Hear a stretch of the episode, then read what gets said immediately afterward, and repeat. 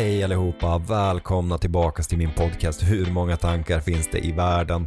Jag som sitter här bakom micken, ja jag heter ju i vanlig ordning Kristoffer Wall och det var ju ett bra tag sedan nu sedan jag släppte ett avsnitt och tanken var ju att jag skulle vara tillbaka redan i höst efter att jag hade kommit in i alla skolrutiner och den biten men så blev det ju inte riktigt och eh, nu är jag här i alla fall för att släppa någon sorts julavsnitt eller slash nyårsavsnitt för att eh, knyta ihop det här året och avrunda tillsammans med er och förklara lite grann och berätta om hur min tid har varit och hur det har varit sedan jag flyttade till Skövde och dylikt. Så att eh, jag hoppas att vi kan knyta ihop det här turbulenta året som har varit och tillsammans komma fram till något sorts fint avslut här i min podd. Hur många tankar finns det i världen? Tack för att du är här. Nu kör vi. Hej och välkommen till podcasten där vi tar reda på svaren till alla tankarna. Hur många tankar finns det i världen? Med mig, Kristoffer Wall. Jaha, då är ju frågan hur långt bak vi ska hoppa ändå. Um, det var ju ett tag sedan jag satt här sist eh, och jag skulle ju vara tillbaka i höst redan men sommaren flöt på och sen började skolan och det blev ju som att podden bara föll ut i, i luften lite grann, alltså där som livet eh, gör ibland, att allt blir inte riktigt som man har tänkt sig. Men eh, hur som helst, om vi ska hoppa tillbaka ända till sommaren så egentligen hade jag väldigt bra sommar. Känns lite konstigt att prata om sommaren så här ett halvår senare och det är typ vinter ute nu. Hur som helst, jag hade en väldigt fin sommar, en sorts process med mig själv samtidigt som jag fick lite avslappning och tid med familj och vänner och sådär. Eh, någorlunda. Eh, sommaren är ju alltid lite hit och dit och när man bor långt ifrån och sådär det blir mycket far och fläng och fram och tillbaka och jag jobb, valde ju att inte jobba i sommar så jag kände ändå att jag hade någon sorts begränsning och i vad jag kunde göra och inte göra så att jag fick se till att liksom pengarna räckte hela sommaren tills jag började skolan här igen då. Um, hur som helst, det var härligt. Jag satte upp ett mål i början av sommaren eller ganska just innan sommaren någon gång och det var en liten Instagramkonto som hade en sån här äh, 5 km skulle man springa i 50 dagar i sträck så att jag gjorde det. Jag hade ju inte direkt någon eh, atletisk springbakgrund eh, innan eller så men eh, det var något jag hakade på. Jag har ju aldrig riktigt gillat att springa och det men när jag väl kom in i det så tycker jag att det var väldigt skönt. Så jag fick ändå ihop på de 50 dagarna jag sprang. Och då var det sammanlagt, alltså kontinuerligt i 50 dagar fick jag ändå ihop 30 mil och det var helt galet. Det trodde jag aldrig. Och för andra gången i mitt liv så sprang jag igen milen på under timmen innan slutet och så. Så det var väldigt härligt att se att eh, vilka resultat det ändå gick så fort att få. Det var ändå 50 dagar, det är inte så länge. Hur som helst, ni kommer ju inte direkt hit för att lyssna på mitt rant om min springning. Anyway, jag tycker att det var ett härligt mål och ett, en stor åkomst, eller vad säger man? Liksom, det bevisar för mig att eh, även den sämsta springaren kan ändå få resultat fort om man väl sätter manken till och det gäller väl alla mål egentligen man sätter i livet om man väl sätter sätter själen till och gör allt vad man kan, då kan man ändå prestera fina resultat. Så att eh, det är väl en sak att ta med sig därifrån egentligen som jag verkligen fick med mig att finns viljan så finns målet och eh, mållinjen framförallt. Um, hur som helst, eh, jag började ju då skola här i Skövde, kognitiv neurovetenskap, eh, inriktning positiv psykologi och det har ju varit väldigt spännande program må jag säga. Alltså, blandade tankar. Vissa ämnen har varit lite mera som jag har tänkt mig, vissa har varit lite mindre. Men jag antar att det är väl lite så ett program fungerar. Man får läsa lite av sånt som man gillar och sånt som man gillar lite mindre. Eh, och det är väl så det är när man inte sätter ihop ett helt program själv. Men eh, i överlag så tycker jag ändå att jag har kommit in väldigt, väldigt bra i programmet och jag har ändå trivts här i Skövde bättre än vad jag någonsin trodde att jag skulle göra trodde det skulle bli en stor omställning att flytta från Stockholm. Jag kände ändå att jag hade, hade det rätt bra. Även om jag kände mig rätt mättad i Stockholm så trivdes jag på något sätt där. Och självklart så har jag saknat det så här i efterhand också. Och eh, framförallt att eh, ha haft möjligheten till att kunna extrajobba lite har väl varit det jag har saknat mest kanske. För att jag känner ändå att leva på student eh, eh vad heter det, CSN. Man blir inte direkt rik och man har inte råd att röra på sig och göra så mycket utöver att eh, äta och läsa sin kurslitteratur eller vad man ska säga. Um, men generellt så jag tycker programmet är skitintressant och vi har lärt oss mycket om hjärnan och funktioner och sådär och kom in i den biten och det är väldigt, väldigt intressant. Så Eh, det ska bli spännande att se hur det utvecklas i framtiden. Det ska bli kul att gå in lite mer djupare. Nu har vi ändå haft bara mest grundläggande delarna i det kognitiva. Um, så att man fokuserar mycket på hjärnmekaniker och um, olika ämnen i hjärnan och hur de påverkar oss, liksom dopaminer och eh, adrenalin och ja, det finns ju hur mycket som helst så att, eh, men vi ska inte gå in för mycket på det. Sen eh, den andra delen är ju positiv psykologi och det har vi inte haft jättemycket i. Vi hade en liten introduktion i början som var någon sorts introduktion mellan båda ämnena då, kognitiva och positiva. Men det ska bli kul att få se lite mer av den positiva psykologin här nu också som kommer nästa termin. Så att eh, fortsätta grotta ner sig i de här ämnena ska bli superspännande. Jag hade lite tankar där ett tag på om jag verkligen har kommit rätt eller inte och jag sökte ändå nu när eh, det var dags igen att söka till universitet så sökte jag in på psykologprogrammet igen som var min tidigare tanke och hamnade då som första reserv i Göteborg så att jag står ändå kvar som reserv men jag vet inte, det känns ändå konstigt att byta nu efter jag har gjort den här terminen och jag känner mig ändå liksom redo att göra de här tre åren och någonstans inom mig så känns det skönt att kunna luta mig tillbaka på de här tre åren och på något sätt ha ändå en stabil framtid ett tag för jag känner ändå att eh, Ehm, om jag kollar tillbaka på mitt liv så har det hela tiden varit att röra på sig och att det ska hela tiden hända någonting men jag måste nog någonstans försöka landa i mig själv och hitta någon sorts stabil grund och sen gå vidare därifrån. Jag har ju mycket om jag får säga det själv så har jag mycket att bearbeta och eh, utveckla inom mig själv också sen, sen tillbaka till livet. Så att eh, min plan är väl lite grann att kunna göra det nu här under utbildningen i de här tre åren. Kunna fundera lite mer alltså, djupgående på vad jag vill framöver. Och inte bara slänga mig fram och tillbaks mellan saker och hoppas på att något ska kännas rätt. Utan att jag faktiskt kanske sätter mig ner och tänker och eh, tar vara på den här tiden och lär mig mer om mig själv och av mig själv framförallt. Lyssna på mig själv och vara med mig själv och hela den biten. Jag känner mig eh, mer och mer trygg i mig själv måste jag ändå säga. Tidigare har jag ändå varit, känt mig lite grann som en främling för mig själv men ju mer eh, tiden går och ju mer jag försöker vara i mig själv eller vad man ska säga så känns det ändå som att jag börjar hitta någon sorts väg framåt ifrån allt som har varit och det känns så jäkla skönt måste jag säga. Alltså det, det är en stor börda men det finns fortfarande mycket kvar att bearbeta så det ska bli, se, Eh, det ska bli kul att se hur, eh, hur de här tre åren spelar ut sig och vad jag kan ta med mig och vad jag kan dela med mig av i framtiden. Så att, eh, ja vi får se helt enkelt. Ja, man kan ju lugnt säga att det har varit ett väldigt annorlunda år i alla fall i år och det här med coronan eller covid-19 som det heter har ju ställt till det väldigt mycket för många och Eh, har varit både kanske livsförändrande och livsförödande för många på olika sätt. Ehm, folk kanske har förlorat sina familjemedlemmar, kollegor, arbetskamrater, släktvänner på olika sätt. Företag har fått ställa om totalt för att anpassa sig efter det som har varit. Många kanske har förlorat sina företag eller sina jobb eller sin verksamhet på något sätt. Drabbats av ekonomisk kris eller inte haft möjlighet att bo kvar i sin lägenhet och var tvungen att förändra hela livet på grund av den upp och nedvändning som coronan har kommit med. Och eh, mina tankar går ut till alla som på något sätt har drabbats. Eller vi kan väl säga att vi kollektivt har drabbats allihopa skulle jag väl tro, på ett eller annat sätt. Vissa mer positivt än andra och vissa mer negativt. Jag själv tycker väl att eh, jag inte har drabbats jättemycket. Jag har haft turen att inte ha någon i min närhet som har behövt kämpa med corona på det viset som jag har sett och hört och eh, tagit del av från andra.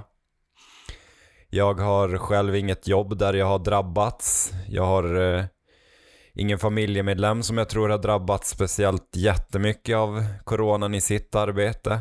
Mer än att eh, deras verksamheter är eh, drabbade men anpassningarna har ändå, de har haft tur alla runt om mig på något vis ändå. Och kunna behålla sina arbeten och fortsätta att jobba.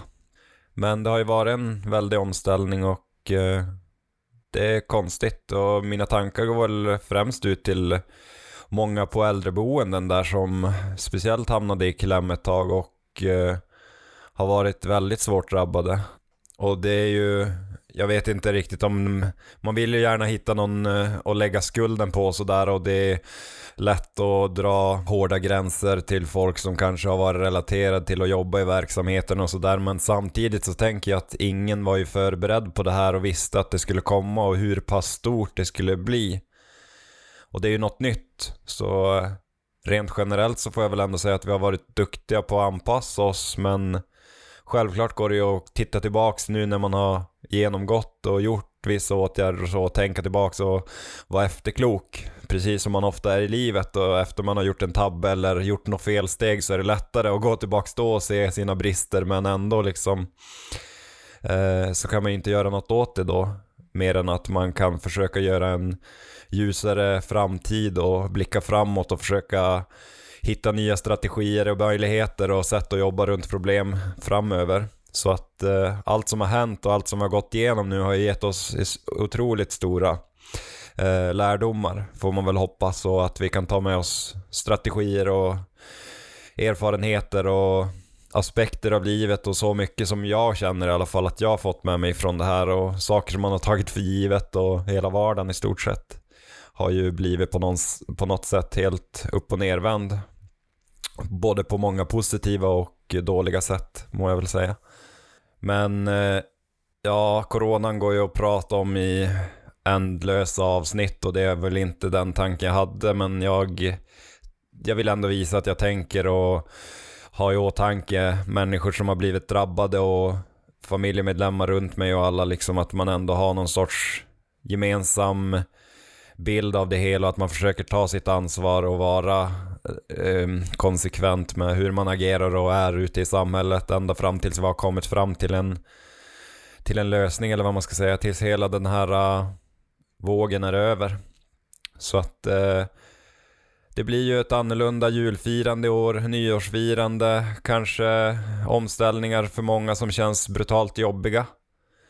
Men uh, innan vi pratar mer om julfirande och så, så tänkte jag ändå att eh, jag tog ett par reflektioner här om vad jag har själv tagit med mig från coronan.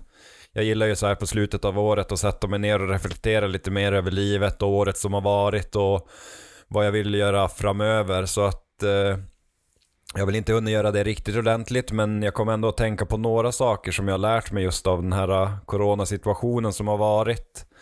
Så jag tänker att jag ska dela med mig av några av de sakerna.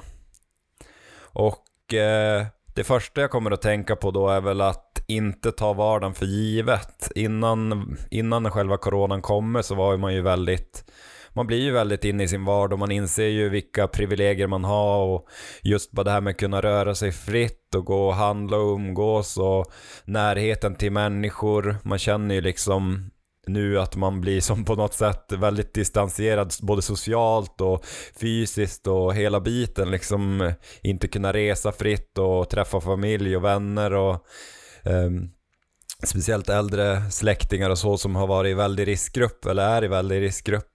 Um, så det, det blir väldigt påtagligt och det inser man ju verkligen hur, hur fri man har varit och ha möjlighet att göra aktiviteter, bara en sak som att typ gå ut och bovla eller sitta på en restaurang tillsammans och äta mat har ju till och med blivit komplicerat nu och det, det känns ju helt klart. Så att eh, det tåls att tänka på de sakerna man hade innan själva coronan kommer och eh, reflektera över vad som har ändrats just där tycker jag för att det kan man nog lära sig mycket av till sen efter det här är över att man kanske lär sig att hantera sina relationer och lär sig se vilka relationer framförallt som är viktiga och vilka som man kanske önskar att man hade vårdat bättre medan det var som vanligt förut och vilka som man kanske vill ta upp och vårda ännu mer i framtiden efter det här. Så att det finns mycket att reflektera kring just det här vad ehm, vad man har tagit för givet i vardagen helt enkelt som har varit den normala om vi nu säger så inom parentes då, vardagen. Sen andra grejen då är väl just det här att vara med sig själv. Jag personligen i alla fall är väl något som har ju blivit väldigt testad i det här just nu under corona. Jag bor ju själv och träffar inte liksom klasskamrater på samma sätt som tidigare när man pluggade eh, innan det här. Att jag har inte haft någon campusförlagd liksom utbildning utan allt har ju skett via Zoom-link och det blir ju liksom ingen fysisk kontakt på det sättet och inte samma sociala bit heller tycker jag när man sitter över internet. Även om jag tycker samtidigt att det har varit väldigt skönt att få planera nästan sina dagar till punkt och pricka och inte haft så mycket liksom obligatoriska träffar och måste just ta sig ner till skolan och sådär så man sparar väldigt mycket tid, eller jag känner att jag har gjort det så att jag har kunnat lägga upp mina dagar mycket mer personligt just nu när det har varit så här på distans, vilket det kommer att fortsätta också i alla fall hela nästa termin, vad, vad det ser ut som nu, kanske till och med nästa år. Så att eh, det är bara att ta ett steg i taget helt enkelt, men eh, just det här med att vara med sig själv kan ju vara verkligen det, det starkaste verktyget, eh, men också kan det ju vara det liksom största motgången för många och det är just det jag tycker att jag har tagit med mig mycket av det här, lära sig och eh, eller jag blir bättre på det och lära mig och se mitt liksom sanna jag och hitta liksom få en, bygga en bättre relation till mig känner jag. Eh, kanske dels för att jag har blivit tvingad många gånger att just eh, vara med mig själv. Gånger när jag kanske i vanliga fall kunde ha valt bort och typ gå ut och göra något, umgås med människor på ett annat vis, kanske träffas och så. Um, men uh, jag känner ändå att jag har fått möta mig på många sätt och just uh, omfamna den här ensamheten och se att uh, det kan bygga stark relation till en själv. Så att jag tycker att det har varit väldigt viktigt att ta med sig att våga vara med sig själv mer också och möta sig själv. Man har ju lätt för att fly, eller jag upplever det så i alla fall. Eh, när man tycker att det är jobbigt att vara med sig själv så flyr man ofta till annat. Och eh, på något sätt så tycker jag det har varit viktigt. Jag har konstigt nog här under coronan också satsat mycket på att vara inne mindre på sociala medier. Inte dela med mig av så mycket och det var väl lite en startpunkt till också att jag blev lite mer inaktiv just i mitt poddande också. Eh, dels för skolan då men också för att jag kände att jag ville min relation till just sociala medier och den sociala biten genom det har inte varit så jäkla sunt. Eh, som jag pratade om i något tidigare avsnitt där jag hade liksom åtta, mellan sex och åtta timmar liksom man spenderar på sociala medier. Det känns ju helt vansinnigt.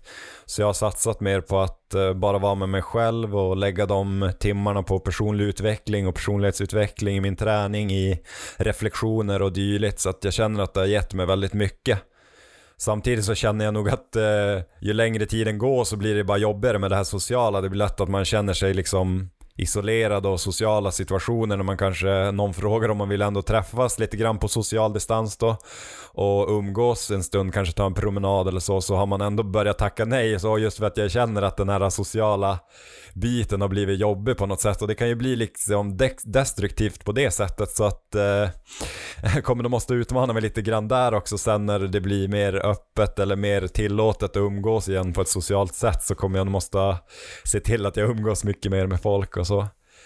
Inte för att jag är någon sån där människa som behöver jättemycket socialt utan jag klarar mig väldigt länge utan och det är väl lite det som är farligt också för ju längre jag är utan ju mer bekväm tror jag jag blir också.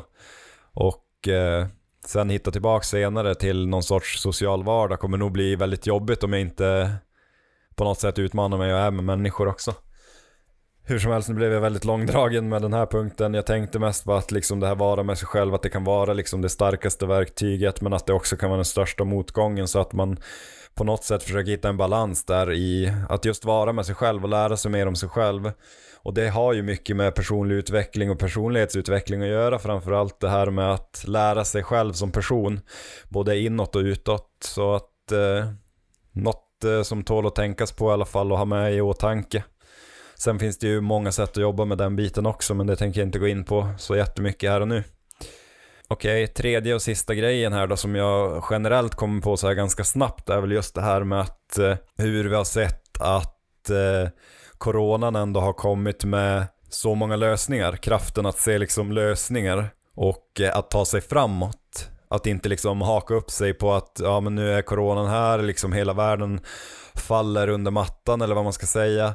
Utan jag har ju sett så många ställen i världen, i företag, i familjer, i sociala medier och liksom hur, hur man ändå har hittat lösningar på så många olika sätt för att dels behålla liksom det sociala, hur man bedriver verksamheter, hur man utvecklas som människor, personlig utveckling och sociala sätt att umgås via ja, till exempel Zoom eller konferenser och sånt som har blivit eh, nu på distans och så att vi ser ändå att det funkar på något vis och att vi kanske kan lägga pengar på på andra sätt och hitta andra möjligheter. Dels för att kanske både spara på miljö och på olika saker så. Men samtidigt också att man kanske hittar nya lösningar på, på problem som kanske ger mer frihet till människor på olika sätt och som på något sätt ändå driver verksamheter, människor, personer, vad det än är nu liksom framåt. Ett litet kort argument där, eller en kort tankeställare är väl det just det här med kraften att se lösningar och eh, hur vi har tagit oss framåt ändå, trots den här eh, coronan som har varit. Börja med krig om toalettpapper och nu har vi ändå liksom människor som kör ut och så, liksom sådana grejer har blivit explosionsartat kan jag tänka mig. Och så superfint att se sådana lösningar som och att eh, människor har ändå räckt ut sina händer och på något sätt har vi tillsammans ändå byggt eh, en stark grund som har tagit oss igenom eh, så långt som vi har kommit nu. Men jag lägger ju såklart inte under mattan hur tuff situation det är och hur tufft det kommer att vara i framtiden också så att eh, jag hoppas ändå att vi på något sätt tillsammans kan bara se det här som en möjlighet att växa och bli starkare som samhälle, som eh, människor, som, ja, som helhet helt enkelt. Innan vi går över till att prata om julen så måste jag väl ändå också bara passa på att tacka vården som gör ett helt galet otroligt jobb. Kämpar oss lite varje dag, eh, många timmar. Eh, det är svårt att säga hur det egentligen ser ut eftersom man inte kan se från insidan men de verkar gå på knäna och all respekt och all kärlek och all eh, omtanke och omsorg till alla er som kommer att jobba här under jul och nyår. Det är helt, helt makalöst vilken viktig skillnad ni gör för samhället och för hela världen i stort sett. Så jag hoppas att det här får ett slut snart så att, eh, att de kan få vila ut också och eh, ta lite välförtjänt ledigt. De har ju jobbat nu ända, många säkert jättelänge, liksom hela sommaren ibland. Vissa fick ju ställa in semestrarna. Nu pratar de ju om att ställa in julledigheten och lite sådana grejer. För många så att, äh, men all kärlek och all eh, stolthet och respekt till alla er som, som gör det jobbet där ute och till egentligen alla som på något sätt gör allt vad de kan för att kämpa sig igenom. Tillsammans, tillsammans tror jag att vi vinner. Så nu går vi över och pratar lite mer om julen som kommer här. Ja, jag kände att jag gled in i ett litet negativt tonläge där i slutet av mitt corona-snack eller vad man ska säga. Men alltså det är ju en tuff tid och det är ju väldigt svårt och det är väldigt svårt att sätta sig in i andras upplevelser av hela den här eh, erfarenheten också. Jag kan ju bara utgå ifrån mig själv egentligen och det jag hör och eh, tänker om andra. Men det är just det som är så himla intressant också nu i det här ämnet jag läser kognitiv neurovetenskap så har vi nu i den kursen jag läser nu så läser jag lite grann om just det här med sub subjektivitet och vad handlar det egentligen om?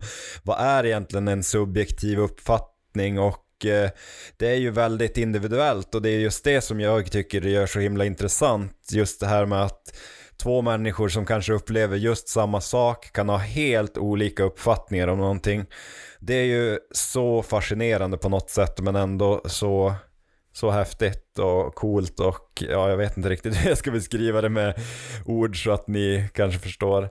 Men eh, Just det här med julen, jag tänker det blir nog inte så mycket mer positivt nu bara för att jag ska snacka om jul. Man tänker ändå att julen på något sätt ska vara en kärleksfull och harmonisk eh, årstid och det är ju det för många men det är också samtidigt eh, viktigt att ha i åtanke. Jag tycker just den här andra gruppen, att det finns människor där som har alkoholmissbruk, misshandel, eh, sexuella utnyttjanden, ja, våld i hemmet eller vad det, allt, allt vad det nu är liksom. Eh, ensamståenden. För alla så är inte julen just en härlig högtid eller ett, något fint eller något som man relaterar till just familj, släkt och vänner eller hur man nu relaterar till julen. Så att det är också något väldigt tufft och något eh, som är viktigt att ha i åtanke och reflektera över för sig själv att vilken tur man kanske har. I alla fall jag brukar tänka så, vilken jäkla tur jag har som har den familjen jag har. Och att jag har tagit mig dit jag är idag på något sätt. Och Eh, med min självdestruktiva bakgrund och alkoholmissbruk och allt vad det är så känns det ändå viktigt för mig att ta upp det här och peka ut för att eh, det är ändå en viktig grupp och eh, de står oftast utanför oss andra som kanske har den turen att ha en familj, släkt, vänner eller vad det än är. Liksom just den här gemenskapen som man oftast förknippar med jul. Jag tycker att det är väldigt viktigt att just få lyfta fram den gruppen som kanske inte har det så bra runt högtider eller storhelger eller vad det än är.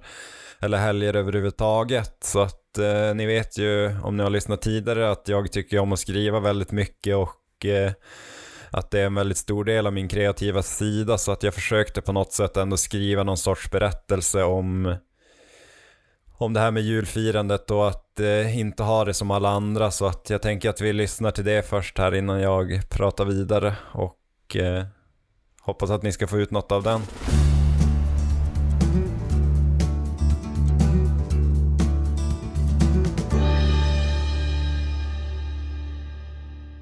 Hej tomten.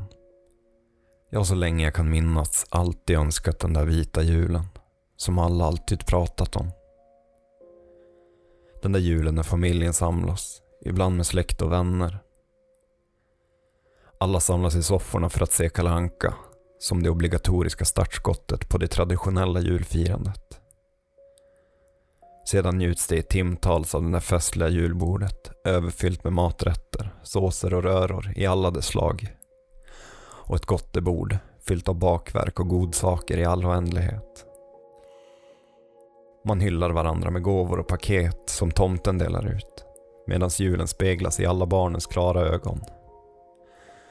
Värmen av kärlek kommer från genuina hjärtan som sprakar i en symfoni som tomtebloss i vintermörkret. Hela julkvällen speglas av gemenskap, kärlek och omsorg. En sån där jul som jag så länge hade föreställt mig och drömt om.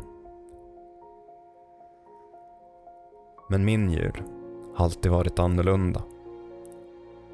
Den där vita julen har aldrig varit speciellt vit eller kärleksfull. Den brukar vara dyster, mörk och ensam. Och trots att julen är en stor helg så brukar jag aldrig känna mig så liten som då. Denna jul är inte annorlunda. Istället för att familjen har samlats för att kolla på Kalanka gömmer jag mig igen, inlåst på mitt rum för rädd för att röra på mig.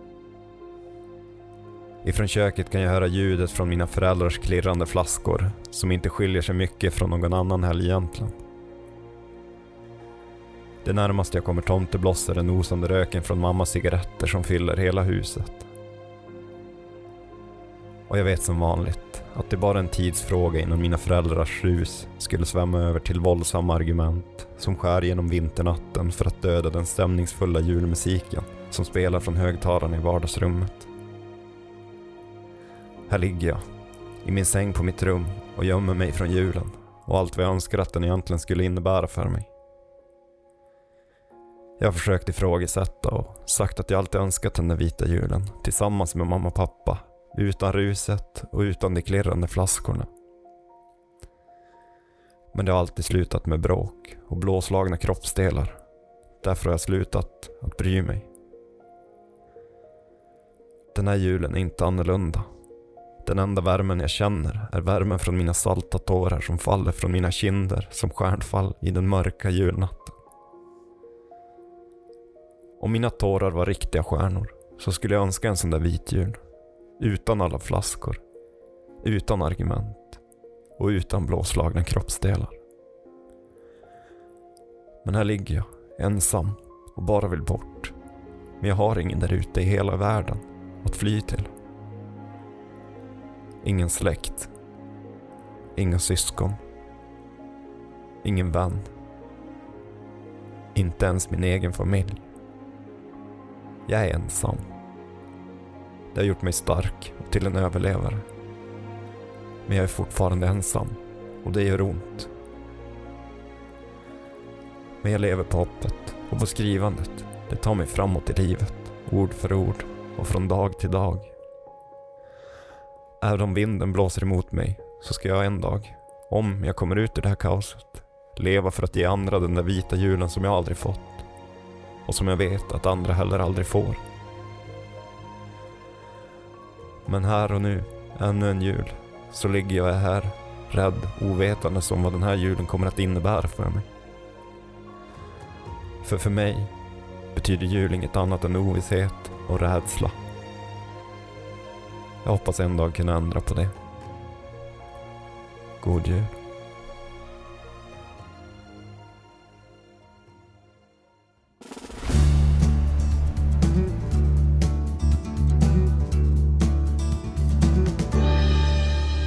Yes, det där var då tänkt som någon sorts eh, bild från mitt håll hur jag kan tänka mig att det är för folk som kanske sitter ensam eller har en destruktiv eller en dålig relation till just det här med jul och storhelger eller vad det kan vara.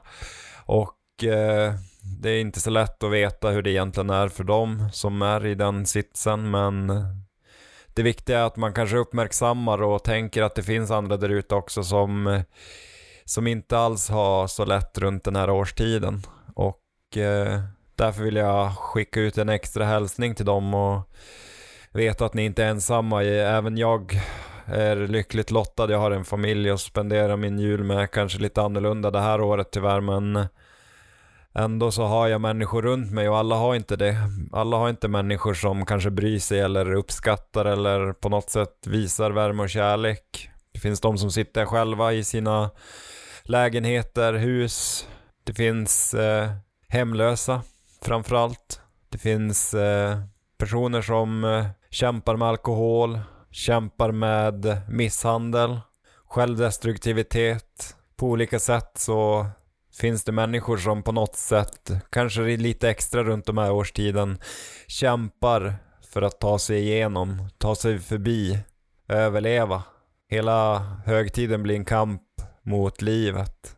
Jag själv minns från min tid i alkoholen, då var det ju oftast runt den här tiden så blev det extra känsligt och man man drack ju mer runt just speciellt jul och nyår. Det ska firas och det ska ringas in det nya året och allt vad det är och så länge jag kan minnas när man växte upp också så var det ju runt den här tiden som det konsumerades mer också från föräldrar, släkt, vänner runt om en.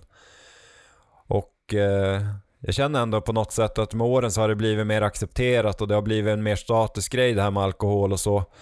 Eh, så att eh, jag vill ändå uppmana på något sätt eh, främst till kanske föräldrar eller eh, personer som är runt barn att eh, ta sitt ansvar och kanske faktiskt ge dem den där vita julen för en gångs skull. Se vilken skillnad det kan göra kanske. Um, måste man dricka eller eh, känner suget efter alkohol, ja då har man ju helt klart någon sorts beroende eller någon sorts uh, problematik skulle jag väl säga. Och eh, ja, det finns ju alkoholfria alternativ om man nu känner att man så väl måste. Men jag hoppas i alla fall att det här kan leda till att kanske en eller två personer överväger att spendera sin jul utan just ruset. Och eh, ja, det vore fint att se. Men eh, alla har ju sina val och sina möjligheter. Det gäller att ta sitt eget ansvar och känna vad som är bäst för sig själv och sin egen familj eller människorna runt en, kanske allmänt. Sen en annan sak som kanske inte heller blir så uppmärksammat runt jul, något jag hade problem med, det var just det här med min ätstörning och det är just mer konsumtion av mat och mathets och stress kring mat just så här runt jul och det kan vara ett väldigt känsligt ämne för många och Eh, jag vet själv hur många jular jag har haft väldigt, väldigt jobbigt med det här, speciellt när jag var som mest nere i min ätstörning, min bulimi. Då var det just en väldigt känslig period här runt julen, man skulle äta och jag hetsåt mycket och det vart ju en jobbig grej runt det hela. Så att eh, det, var på något sätt också något som man kanske inte tänker på så mycket. Men eh, jag vill ändå upplysa om det också, tänka sig för hur man pratar kring maten och hur man uppmanar andra och inte stressa och hetsa och låt, eh, låt maten vara där bara utan man behöver inte göra så stor grej av det eller jag vet inte, det är svårt att säga men eh, det är i alla fall något som tåls att tänkas på och ha i åtanke, speciellt um, från egen erfarenhet är väl något jag kan säga i alla fall. Att man aldrig ska tvinga någon till någonting och försöka bara sköta sitt eget så att säga, eller vad man ska säga. Som sagt, eh, det är väldigt svåra saker att prata om det här överhuvudtaget och veta hur man ska hantera det och så, men det finns professionell hjälp och så, att det finns massa stödlinjer och så. Man kan lätt googla fram om man känner att man har problem eller svårigheter och vet hur man ska approach eller bemöta det här så finns det jättemånga organisationer som kämpar för ja, men, nykterhet och ätstörningar och missbruk av olika slag, sexuella missbruk, ehm, misshandel och allt vad det kan tänkas vara. Så man kan alltid googla fram och ta ett nummer och där och våga ta steget och ringa. Göra inte så stor grej av det kanske utan bara få prata med någon kanske ibland kan vara avgörande. Så kände jag själv i alla fall när det var som tuffast att bara höra en röst eller få prata med någon, någon som bara lyssnade kunde vara så avgörande. För ibland är det lätt att man vill prata men man får inte liksom prata utan man blir strypt för att någon annan säger vad man ska göra eller tänker och försöker sätta sig in i sin egen, alltså i den situationen som den man lyssnar på och försöker ge massa råd och grejer men egentligen så behöver man bara prata ut men man får liksom inte man får inte prata. Det är lätt att vilja ta över och att lyssna är en konst och det är, det är inte alla som är bra på det helt enkelt. Så att eh, ja men hur som helst, var lyhörd och kolla runt er, se på människorna ni har eh, närheten, familj, vänner, släkt.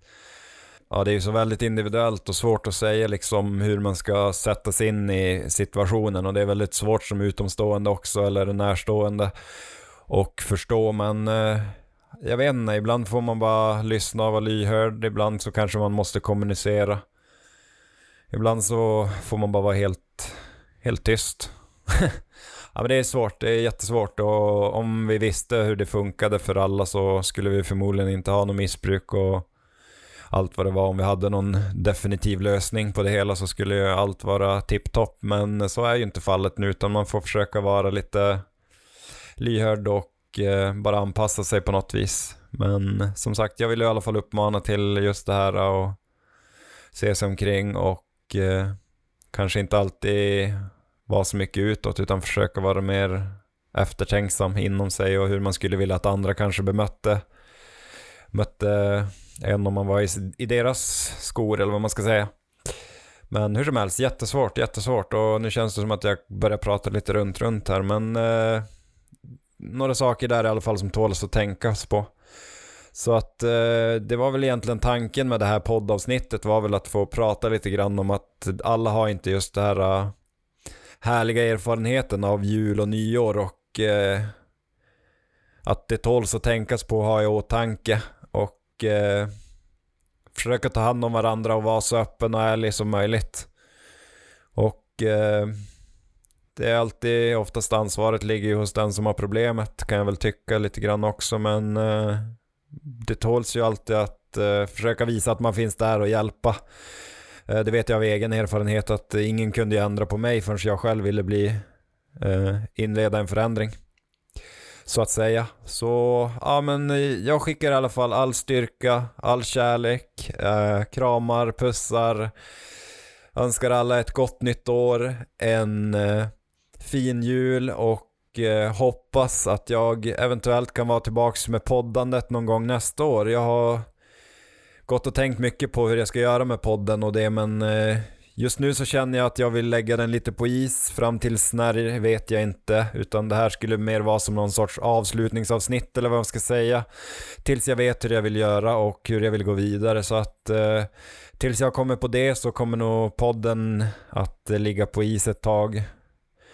Och eh, sen är det lite oklart om jag ens kommer att starta upp den men eh, det kändes fint här att få någon sorts avslut och ändå få ut några ord, sista ord så här runt jul och nyår och eh, se det här nya året. Jag vet att det är rätt klyschigt det här med att nytt år, nya möjligheter men eh, Eh, varje dag är ju en möjlighet att förändras och ha samma potential men eh, jag tycker ändå att det är lättare att känna när man har någon sorts avslut på ett år att man går in i något nytt och eh, kunna sätta upp lite nya mål och ha lite mm, stor vision, eller större visioner för året som helhet och sen behöver man inte planera in i minsta detalj. Men jag tycker ändå att under min väg och under den resa jag har gjort att ju klarare mina mål är och ju mer specifikt de är i detaljer och genomförande och eh, om jag har någon sorts plan så känns det ändå som att jag är på väg någonstans än att jag bara är en passagerare att det är jag som styr bilen dit den ska, eller vad man ska säga, styr livet. Istället för att jag bara åker med. Så att eh, det tåls att reflektera lite, ta tiden nu här runt jul, nyår, köp en liten eller ja, jag är ju en fan av att skriva för hand i alla fall när det kommer till reflektioner och så, så att eh, sen finns det ju nu idag man kan, ja, man kan spela in eller man kan göra som jag här, sitta och prata i en podd och bara reflektera över sina tankar. Um, man kan eh, skriva på dator, skriva på sin platta, telefon, vad man än har tillgängligt. Um, orden är eh, väldigt starka, speciellt när man får ner dem på papper tycker jag. Då blir det som att tankarna får en klarhet och man får liksom konkretisera sitt tänkande. Man får reflektera över, ah, varför skrev jag det här? Hur, hur tänkte jag här? Och man får liksom se sina mönster ibland tycker jag på något vis. Man man får helt enkelt en klarhet efter ett tag tycker jag när man skriver och går tillbaks och kollar och så. Sen behöver man inte göra det så komplicerat heller, man eh, kan bara skriva några ord här och där. Ibland, jag är också väldigt eh, olika, ibland skriver jag skitmycket, ibland skriver jag ingenting. Så att eh, det går även upp och ner där, men jag tycker ändå att det är bra ibland att bara få, få ner sina tankar på papper och speciellt när jag har tuffare perioder då då blir det mycket klarare genast vad jag känner är problemet eller man får liksom en överblick över det hela. Bara skriva av sig lite och reflektera över vad det är som, som tynger en.